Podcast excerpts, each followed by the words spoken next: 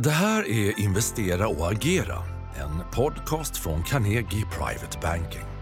Varje tisdag och torsdag får du en färsk kommentar om marknadsläget, en utblick framåt och hur vi tycker man bör agera i sin investeringsportfölj just nu. Hej! Idag när vi spelar in detta avsnitt så är det onsdag den 29 april. Klockan är 15.00 och ni lyssnar på mig Carl Hedberg från Carnegie Private Bankings aktiemäkleri. Vi börjar med att titta på hur marknad och ekonomi ser ut just för stunden. Eh, när jag gick in i studion här eh, så eh, var vi upp ganska precis 2% på OMX-index i, i, Sverige och eh, på nivåer då runt 1600. Och det här är ju nivåer som vi hade under större delen av förra året innan den här uppgången under senare delen av hösten tog fart. USA-terminerna indikerar en positiv öppning på cirka 1,3 procent och här ser vi samma mönster, att vi är tillbaka på de nivåerna som vi låg på en större del av, av förra året.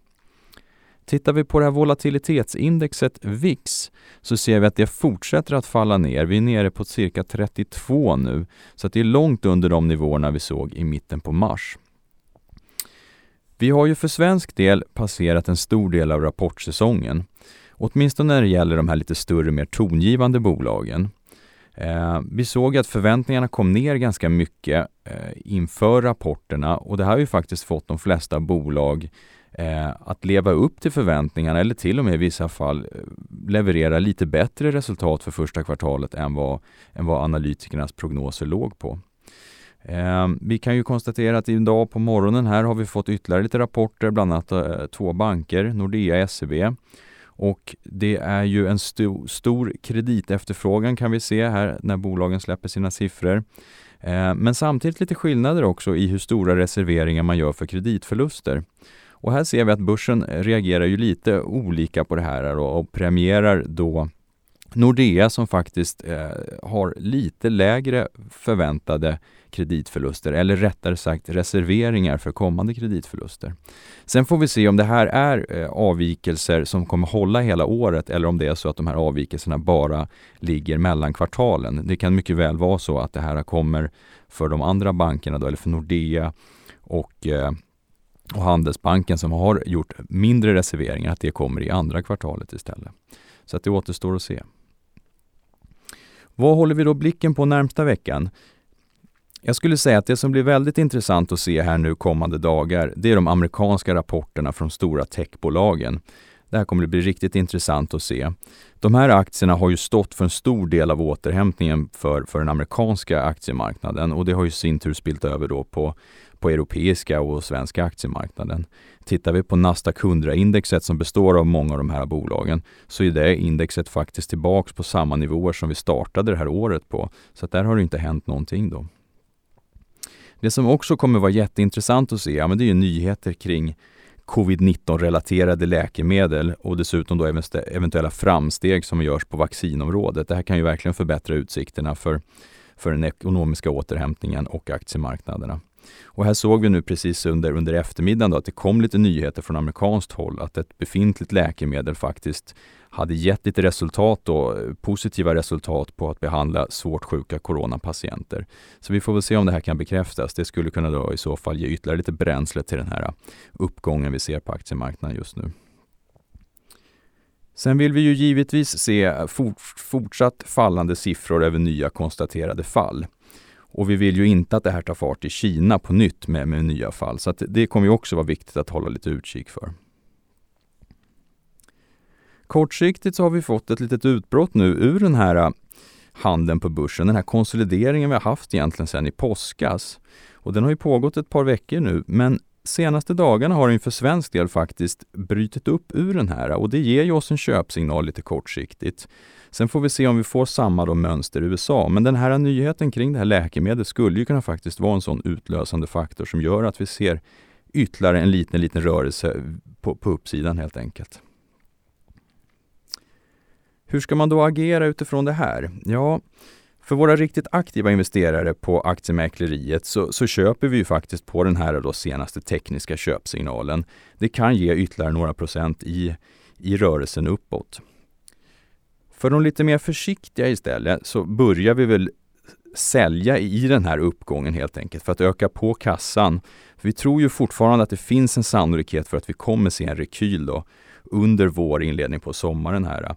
Så att det kommer finnas tillfällen att köpa på nytt tror vi. Så då plockar vi hem lite kortsiktiga vinster och det är ju framförallt i de här mest cykliska bolagen som vi har fått en bra studs och vi kan plocka lite vinster. För de som inte vill dra ner aktievikten och ha för mycket kassa, så då, då tittar vi helt enkelt på omplaceringar istället.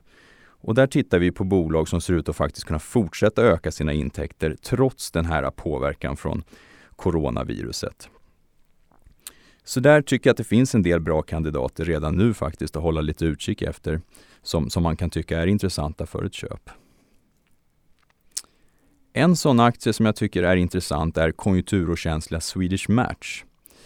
Här, här såg vi att rapporten för första kvartalet kom in faktiskt 7% bättre än våra förväntningar. Och eh, det är väl delvis beroende på, på en viss hamstringseffekt. Men det är långt ifrån hela förklaringen till den här starka försäljningen. Eh, vi ser ju att den här tobaksfria nikotinprodukten Syn som man har lanserat för, för några år sedan står för en väldigt stark tillväxt. Produkten finns nu tillgänglig i 80 000 butiker i USA och det här är upp då från 67 000 butiker bara i fjärde kvartalet. Så att eh, en enormt stark försäljningstillväxt.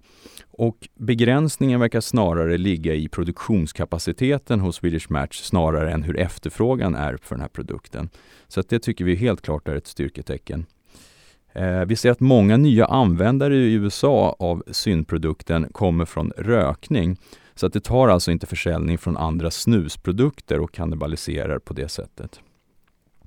Aktien handlas på ett P tal eh, runt 18 baserat på våra vinstestimat för 2021. Eh, och det här är en bra bit under de historiska topparna som har legat runt eh, P på 24. Så att vi ser helt klart en, en intressant uppsida och eh, en stark försäljningstillväxt eh, vidare framåt. Dessutom tycker jag att e-handelsbolaget Bygg Hemma är fortsatt spännande. Och det här är ju ett av de bolagen där vi ser en, en ökad efterfrågan i spåren av corona faktiskt. Eh, det här do it yourself-segmentet eh, visar på en väldigt stark tillväxt nu när många tillbringar mer tid hemma. Och man har fått ställa in vårens och sommarens eventuella resplaner så, så blir ju fokus på att man lägger mer tid och mer pengar på byggprojekt i hem och trädgård istället.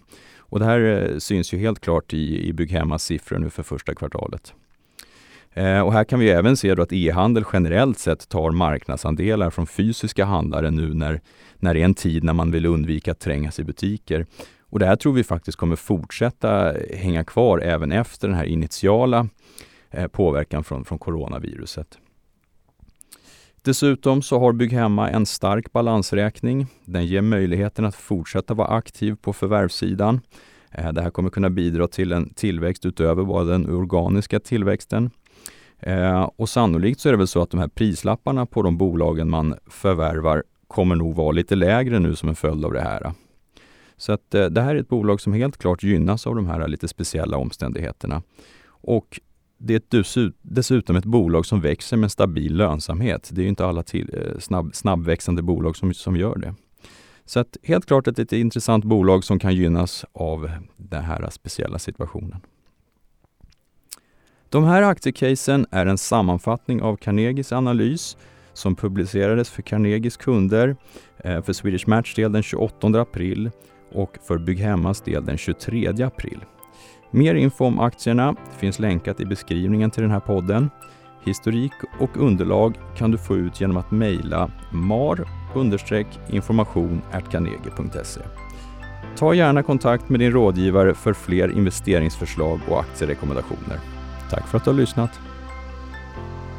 Är du intresserad av topprankad aktieanalys och unika investeringsmöjligheter?